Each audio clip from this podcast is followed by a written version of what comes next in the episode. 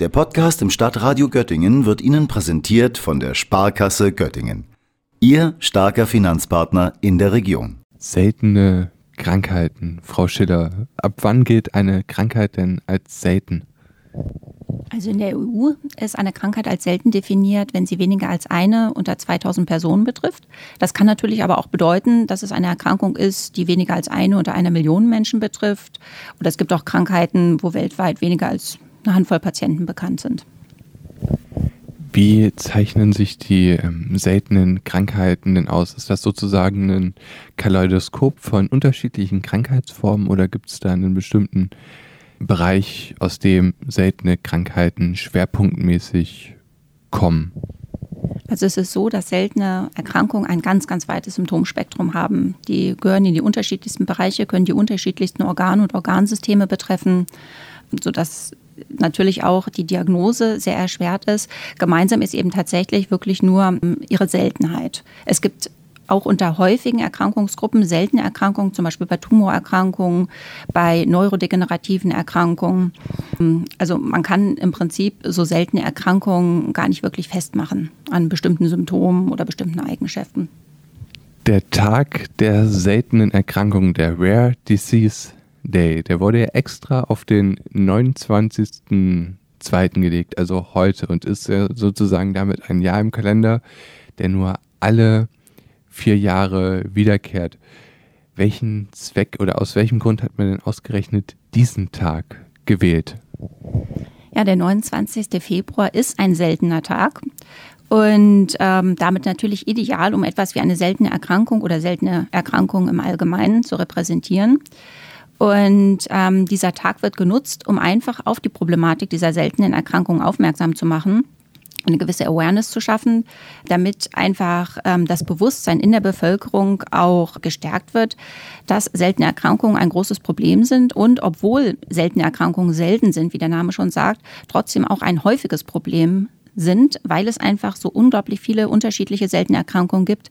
Momentan geht man davon aus, dass so 8.000 bis 9.000 seltene Erkrankungen bekannt sind. Es werden nun fortlaufend mehr was auch nicht daran liegt, dass es mehr Erkrankungen gibt, sondern dass einfach bei großen Erkrankungsgruppen, sowas wie ja, neurodegenerative Erkrankungen, werden selten Unterformen erkannt. Das bewirkt zum einen, dass man sie besser behandeln kann, weil man einfach weiß, worum es sich handelt, zeigt aber auch, dass wirklich viele, viele Menschen betroffen sind. Also man geht davon aus, dass ungefähr fünf Prozent der Bevölkerung von seltenen Erkrankungen betroffen sind.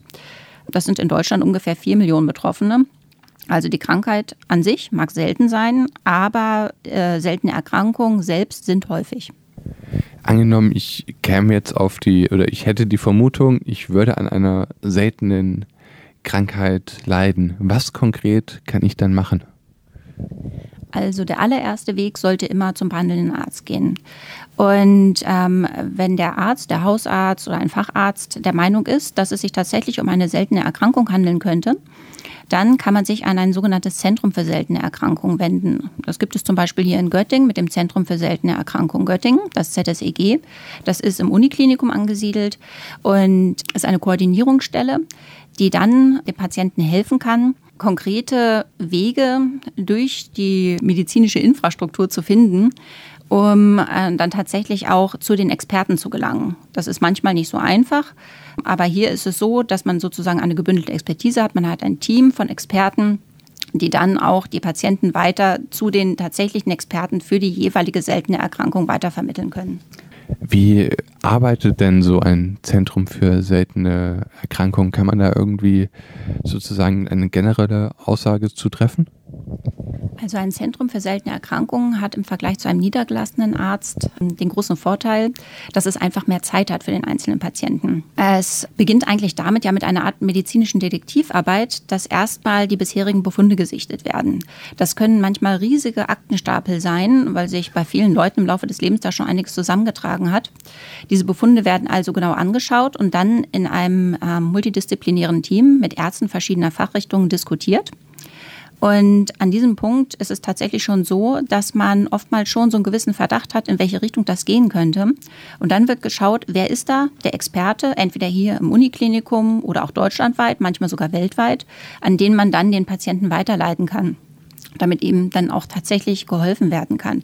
Denn bei 8.000, 9.000 verschiedenen seltenen Erkrankungen ist es natürlich so, dass ein einzelner Mensch, ein einzelner Arzt, egal wie gut er ist, diese ganzen Erkrankungen mit ihren Symptomen, mit ihren eventuell unterschiedlichen Verläufen überhaupt nicht im Blick haben kann. Das kann kein Mensch leisten, das kann kein Mensch wissen.